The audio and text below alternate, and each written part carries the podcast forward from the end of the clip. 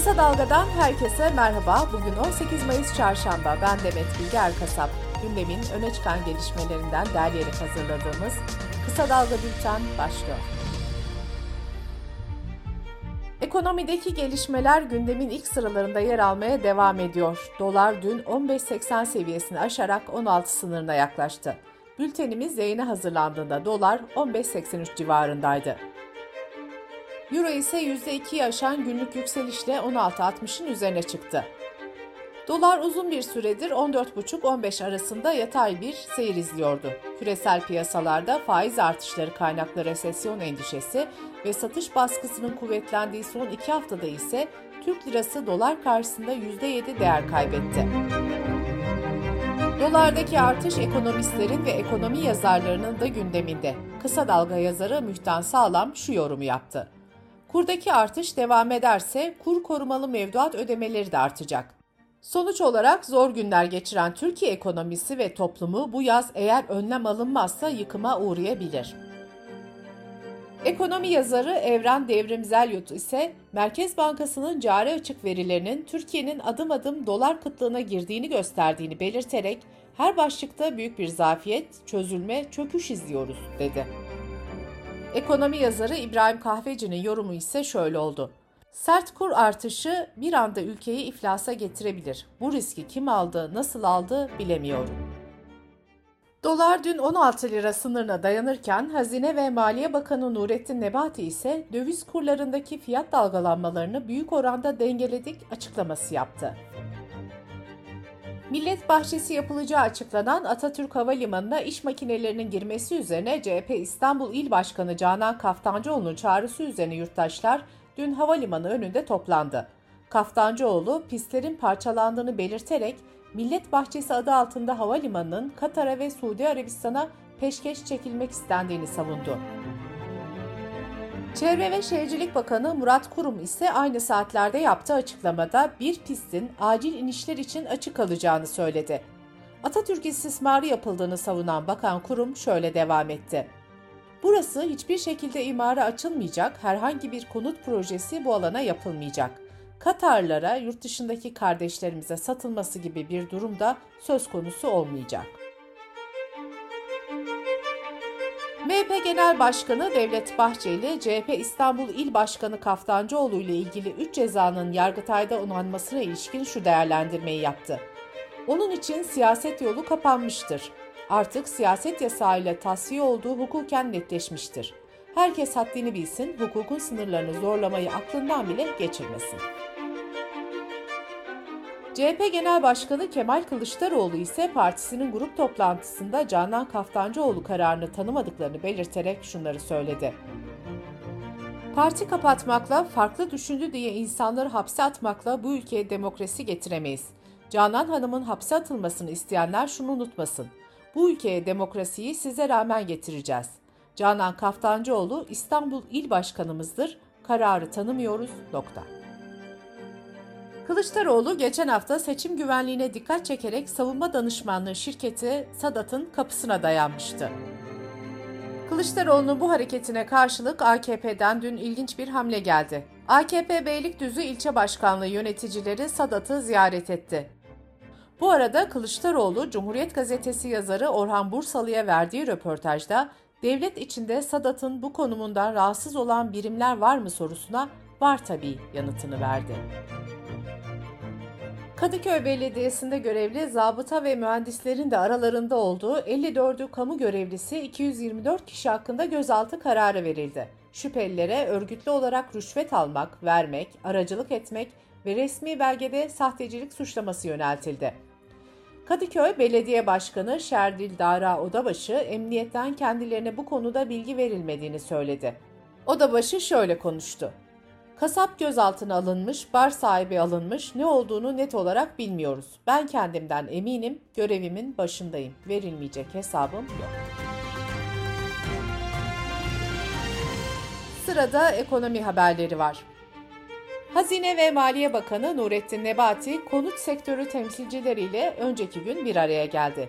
Konut Geliştiricileri ve Yatırımcıları Derneği Yönetim Kurulu Başkanı Ziya Altan Elmas, toplantı sonrası yaptığı açıklamada şunları söyledi.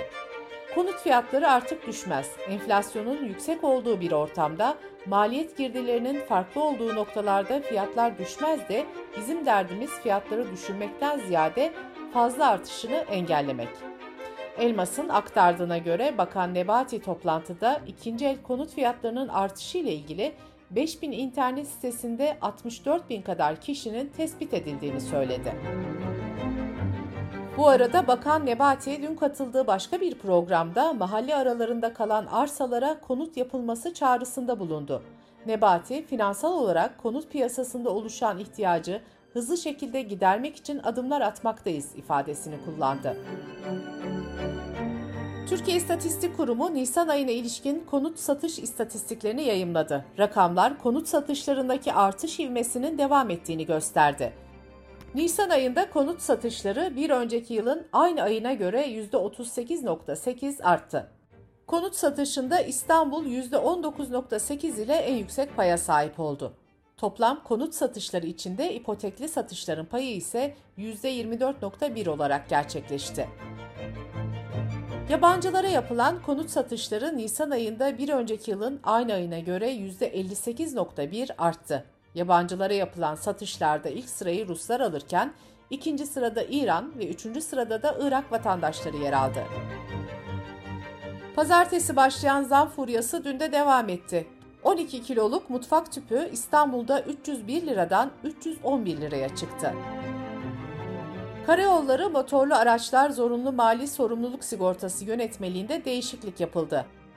Buna göre 1 Haziran'dan itibaren trafik sigortası primleri %25 artacak. Çalışma ve Sosyal Güvenlik Bakanı Vedat Bilgin 10 Mayıs'ta yaptığı açıklamada 3600 ek göstergesini ay sonuna kadar bitireceğiz, ayrıntısını o gün açıklayacağız demişti. Bakan Bilgin dün yaptığı açıklamada ise 3600 ek gösterge meselesi emekli kamu çalışanlarının emekliliğini de ilgilendiren bir sorundur dedi ve Temmuz ayında bir düzenleme yapılacağını söyledi. Dış politika ve dünyadan gelişmelerle bültenimize devam ediyoruz. Türkiye'nin geleneksel dış politikalarını değiştirerek NATO'ya üye olma kararı alan Finlandiya ve İsveç'in başvurusunu veto etme sinyaline ilişkin tartışmalar sürüyor. Cumhurbaşkanı Erdoğan yaptığı son açıklamada İsveç'in Türkiye'ye müzakereler için diplomat gönderme girişimiyle ilgili yorulmasınlar, Türkiye'ye yaptırım uygulayanların NATO'ya girmelerine evet demeyiz demişti. Finlandiya Cumhurbaşkanı ise dün yaptığı açıklamada Türkiye'nin tutumuna ilişkin şunları söyledi. Türkiye'nin açıklamaları son birkaç günde çok hızlı şekilde değişti ve daha zor hale geldi. Fakat şundan eminim, yapıcı istişarelerin yardımıyla meseleyi çözeceğiz. ABD ve NATO'dan uzlaşma arayışı vurgusuyla açıklamalar gelirken, Kanada'dan ise Türkiye'yi ve Erdoğan'ı NATO'dan atın yönünde bir açıklama geldi. Kremlin sözcüsü Peşkov ise yaptığı basın toplantısında Türkiye'nin tutumu sorulunca şu yanıtı verdi. Bu ülkeler arasındaki ilişkilerin ve ittifak içindeki ilişkilerin konusu. Biz bu ilişkilere müdahale olmak istemiyoruz. Rusya Dışişleri Bakanı Lavrov ise Finlandiya ve İsveç'in NATO üyeliğinin kendileri için pratikte büyük bir fark yaratmayacağını söyledi. İki ülkenin de senelerdir NATO tatbikatlarına katıldığını söyleyen Lavrov, topraklarının NATO ittifakı içinde pratikte nasıl kullanacağını görmek lazım dedi. Ukrayna'daki Mariupol'da çelik fabrikasına sığınan 53'ü ağır yaralı 260 Ukrayna askeri tahliye edildi.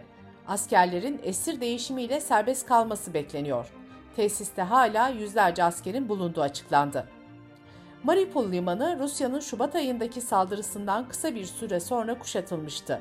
Şiddetli saldırılara maruz kalan stratejik öneme sahip kentte batılı gözlemciler ve Ukraynalı kaynaklara göre binlerce sivil hayatını kaybetti. Tarihinin en derin siyasi ve ekonomik krizlerinden birine sahne olan Lübnan'da pazar günü düzenlenen genel seçimlerin resmi kısmi sonuçları açıklandı. İsrail'in saldırılarında direnişte başı çeken Şii hareket Hizbullah parlamento çoğunluğunu kaybetti. Bir önceki seçimde 71 vekille çoğunluğu kazanmış olan Hizbullah'ın sandalye sayısının bu kez 62'de kalması bekleniyor. Seçimin öne çıkan bir diğer sonucu da düzen karşıtı ve reform yanlısı adayların 12 sandalye kazanması oldu. Bu sonuç uzun zamandır aynı grupların hakimiyetinde olan Lübnan için önemli bir gelişme olarak yorumlandı. Reformcuların parlamentoda bağımsız ve bağlantısız vekillerin desteğini de alması bekleniyor. Parlamentodaki Hristiyan partilerin temsili de değişti. Hizbullah'a muhalif ABD ve Suudi Arabistan destekli Lübnan kuvvetleri zemin kazanarak 20 sandalye elde etti. ABD'yi ziyaret eden Yunanistan Başbakanı Mitsotakis, Beyaz Saray'da ABD Başkanı Joe Biden'la yaptığı görüşmenin ardından F-35 savaş uçakları satın alacaklarını açıkladı. Yeni Zelanda'da özellikle pandemi sürecinde tavan yapan ve barınma krizi riski yaratan konut fiyatlarına düzeltme geliyor. Ülkenin en büyük iki bankası konut fiyatlarının 1970'ten beri görülen en büyük düşüşü yaşayacağı öngörüsünde bulundu. Buna göre fiyatlarda %20 oranında gerileme bekleniyor. Bültenimizi kısa dalgadan bir öneriyle bitiriyoruz. Oxford Üniversitesi'nden Emre Eren Korkmaz, Berlin'de kuantum fiziği üzerine çalışan Mustafa Gündoğan'la popüler bilim, kuantum fiziği ve ışığı depolamayı konuşuyor. Emre Eren'in podcast'ini kısa dalga.net adresimizden ve podcast platformlarından dinleyebilirsiniz. Gözünüz kulağınız bizde olsun. Kısa Dalga Medya.